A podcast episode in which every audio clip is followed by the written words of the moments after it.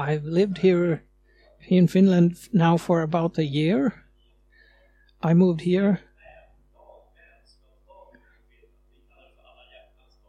Uh, you might call it all, all, all uh, this um, Valentine's Day. I moved here to Finland. You might hear that I'm coming from Sweden from the way I talk. I don't have so much movement, movement in my voice. but approximately a year ago.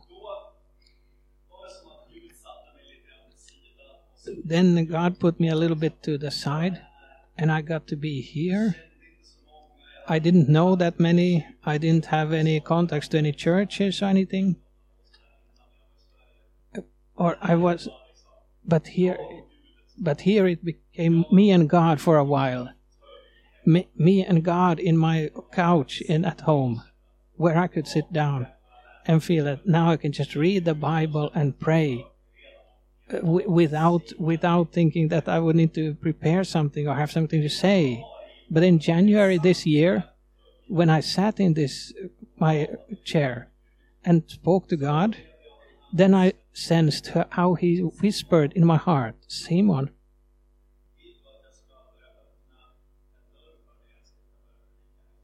do you want me to open a door so you can start to preach here in Finland too?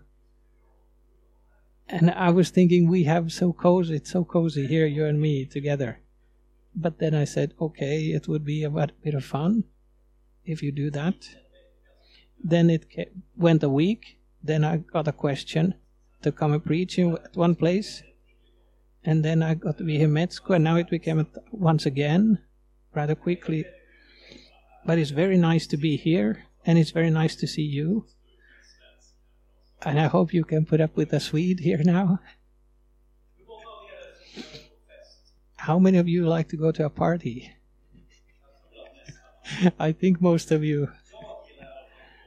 I at least like to go to a party. When I read about Jesus in the Bible, I see that he also liked to go to a party. Some some religious people have a problem with Jesus, and and they feel that if you're a rabbi or teacher, you should not do like that. You should be a, like an example. You should only have on you this this spiritual robe, so to speak. But especially the religious leaders, they had problems with Jesus uh, from many reasons. But many but one of the reasons was that that he liked to go to a party and mingle with just ordinary people. And also the people who these religious religious people said that they are sinners and we should not have any any fellowship with them or anything to do with them. I will read a, a few verses from the bible today from luke 5 27 to 32. It says like this After this, Jesus went out and saw a tax collector by the name of Levi sitting at his tax booth. Follow, follow me, Jesus said to him. And Levi got up, left, left everything, and followed him. Then Levi held a great banquet for Jesus at his house, and a large crowd of tax collectors and others were eating with them. Uh, they, uh, the Pharisees and the teachers of the law who belonged to their sect complained to this disciple, Why do you eat and drink with tax collectors and sinners? Jesus answered them, It is not the healthy who need a doctor, but the sick. I have not come to call the righteous, but sinners to repentance.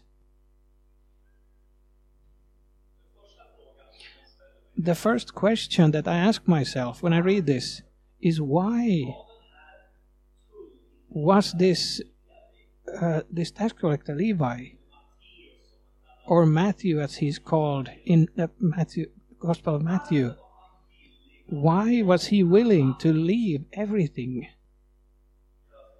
to follow Jesus? It says he left everything. he was a very wealthy man.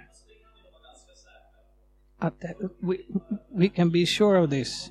Tax collectors at this time, he took in the tax from, from the people and then sent it them forward to Rome.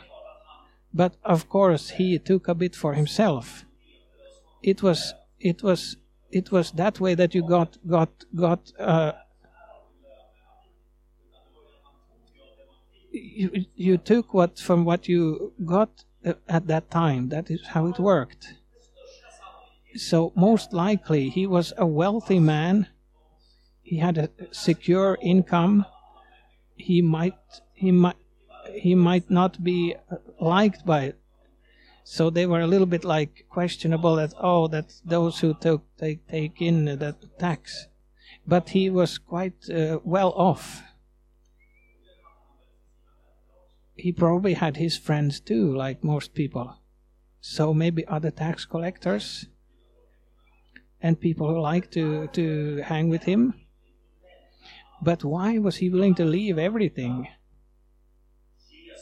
to follow Jesus? Uh, uh, uh, uh, uh, uh, boy from Nazareth a, a wandering preacher who who like uh, mm, Jesus says himself when someone comes I want to come you Jesus can I follow you he was he was a person was very eager uh, Jesus says well the the uh, Son of Man doesn't have anywhere to rest his head. That if you want to come, that if you want to follow me, it will not be the comfortable life. It will be there will be problems, persecution. You will be hated for every, by everyone for my na- the sake of my name. Jesus did not make make like an advertisement, but it said, this will be tough and, and difficult. Are you willing to leave everything to follow me? Why did Levi leave everything to follow Jesus? I think because he saw something something very attractive in Jesus. I think it was because Jesus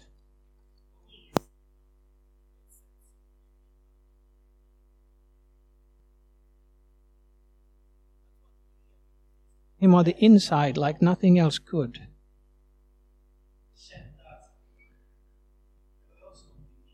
Uh, he felt that something more is needed.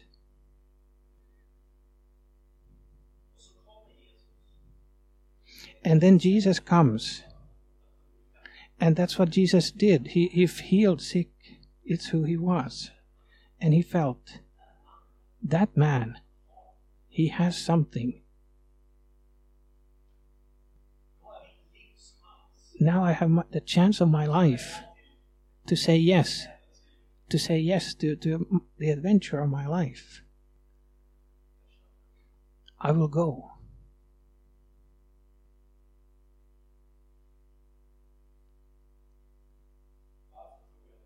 Why do I think this? Because I've experienced this myself. Maybe not in the same way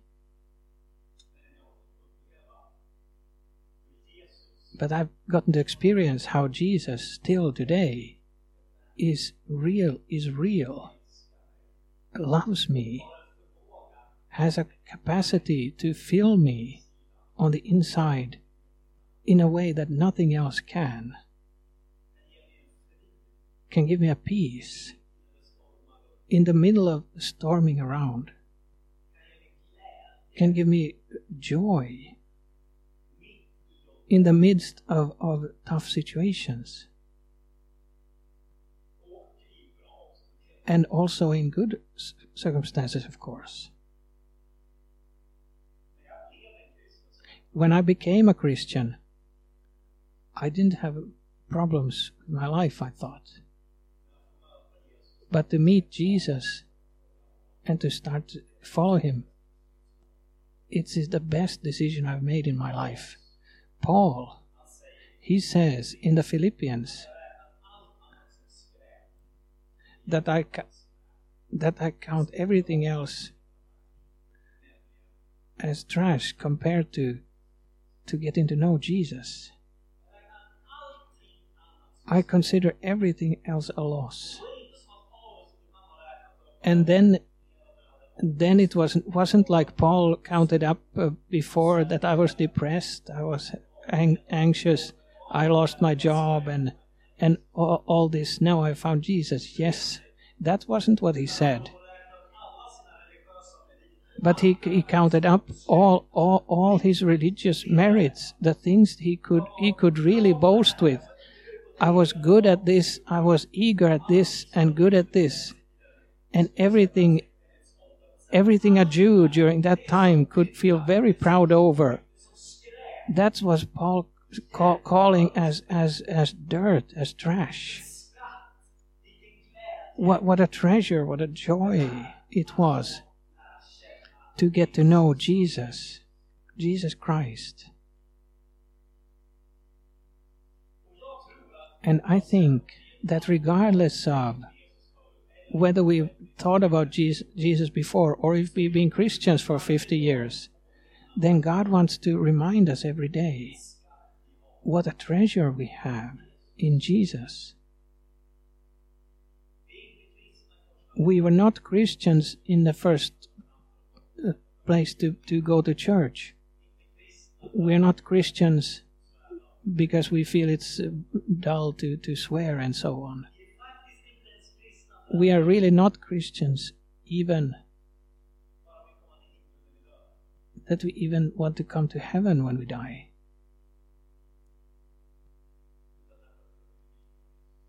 But because we've been touched by Jesus, He is the treasure in heaven. He is the one who makes it worth coming to heaven. Uh, heaven as such is, is just a place. When it comes here on, on to earth, it will be fantastic. But what makes everything worth it is that we can live with Jesus, that we can have with Him, fellowship with Him. I think it's these things which made that Levi was willing to leave everything to follow Jesus. And that's what makes it also worth it for us when Jesus comes to us and says, Simon, follow me. So even if it's sometimes difficult, may, maybe it's a bit difficult sometimes to stand up for that I believe in Jesus, it's always complete, completely worth it.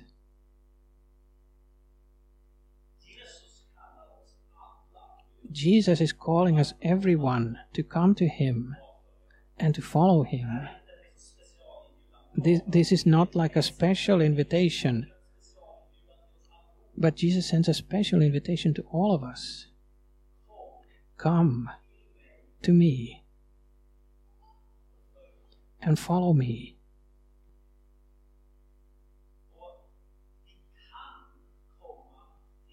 And we can come to Jesus because He has made it possible for us. We can come to Jesus because He has already stretched out His hand to us. We can come to Jesus not because we are so good, but because He first has taken the initiative and started to to draw us. If you have a, a thought about God, it's because God first has thought of you. If you wake up a Monday morning and think about something about God, it's because God is thinking of you. It's not because you are seeking God in yourself. Because He is seeking you. He has taken the initiative and He stretched out His hand. And He has made it possible for us to come to Him. We could not uh, make, do this on, we wouldn't even think of it ourselves. we get to come to Him because He's good and, and loving. We get to come to Him because He wants to have to do deal with us. He wants to fellowship with you.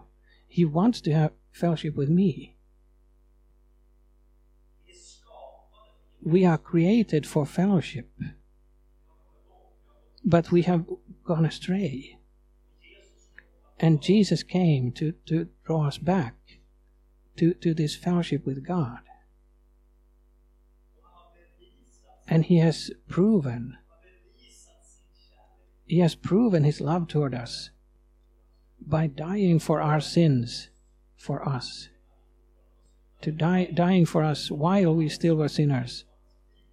We were in a place where we were still his enemies.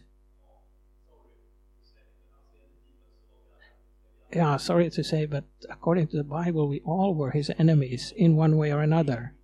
We are egocentric.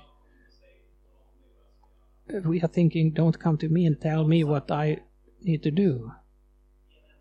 So so we are are rebellious. Then jesus comes and proves his love toward, toward us by dying for us before we can even lift a finger to, to get closer to him. Then he shows his love and dies for those who are his enemies so that he can make them his friends god wants to fellowship with you much much more than you will ever want to fellowship with Him from an eternal perspective. But in this life, anyway, God wants to fellowship with us. We can do it because He's made it possible. He, we get to do it because He's loving. And we need come to Him because all of us are sick and in need of a doctor. We are all sinners who need forgiveness and salvation.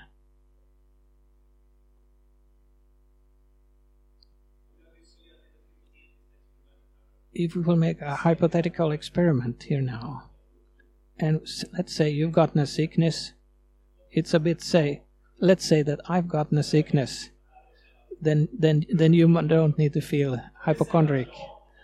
Let's say that I've I've, I've gotten a sickness, but but you care about me, so you want me to be to be healed, right?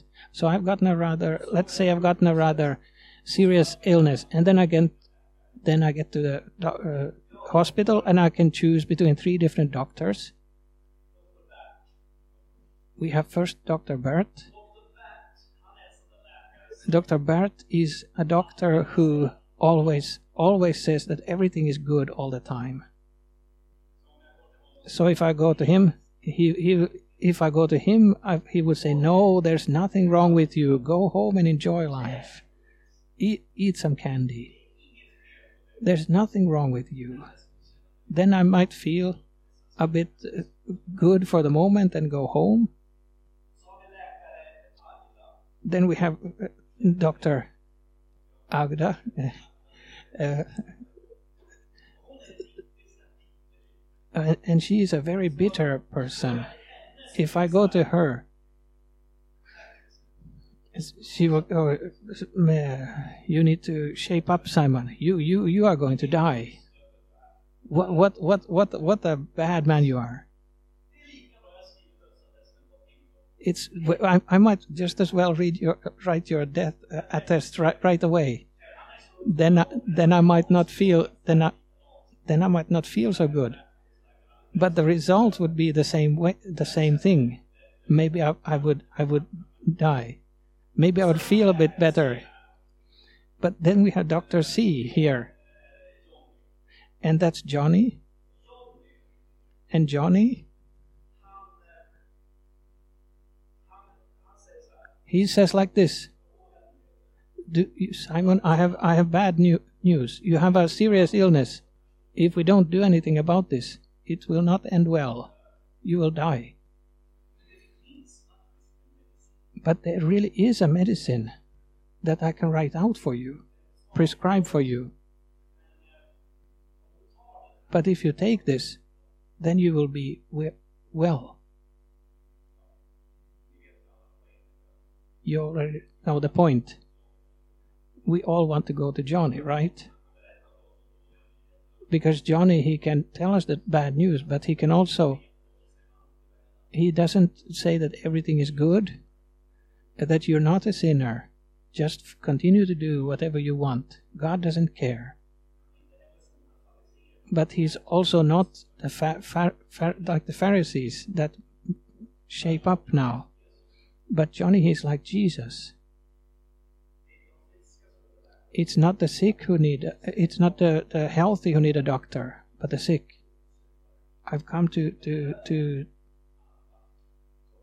we all need to come to Jesus because He has the right diagnosis about what's wrong with us, but He also has the right solution. He has died for my sins and your sins. And when I come to Him, then I get that restored relationship. I've been, I've been created for fellowship with God. But when I come to Jesus, when I take His hand, then the, the fellowship is restored. Uh, the last I want to say from this uh, this uh, what we read, it says Levi Levi uh, prepared a big party for Jesus in his home. When we've come to Jesus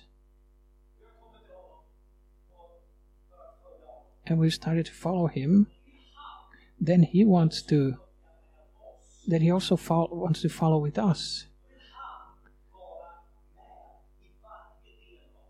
Then he wants to be a part of every part of our lives. He wants to come home to us. He wants to go into every room, every every area in our lives, even in the in the basement where we are hidden what we don't want anyone to see. In the nice, uh, uh, bright rooms, he wants to come home to us. He wants to be part of every part of our lives. And he says himself, and he says he will never ever leave us or forsake us. He will never leave us. Never. When we decide to follow follow him, then he also starts to follow with us, always, everywhere. So when you wake up in the morning, then Jesus is there. When you eat your breakfast, Jesus is there. When you brush your teeth, Jesus is there. Even when you go to the toilet and, and you're, you're ill in your stomach and it smells bad, then Jesus is there. He even goes with you to the church. He's with you all the time and our homes, our lives, can be a, fe- a feast for Jesus. Now, I don't mean this kind of a very no problems, this kind of very easy life. That we have a lot of problems in life, and those problems don't go away just because we follow Jesus. But we can also get new problems by following Jesus. As I said before, there can be an inner peace in life which is with us all the time. It can't really be a party for Jesus in, in your life. Jesus himself says that I want to give you my full joy, complete joy. Paul says that always be jo- rejoice in the Lord. Again, I say rejoice. It's it's not this kind of a very like uh, easy easy life we're talking about. That we should always think positive. We should also think realistically. He's with you all the time. And there is a lot of joy together with Him. We live for Him. Uh, Levi didn't just have a party uh, in general, he had a party for Jesus. That is what it says here. It's what it says. He held a great banquet for Jesus. We can come to Jesus and we can follow him. We can discover what a fantastic and wonderful Savior, friend, King he is. When we can also only taste him, we want to have more. Then we can also decide that every day, Jesus, I want to live for you. I want to live for something greater than myself, something bigger, just me, mine.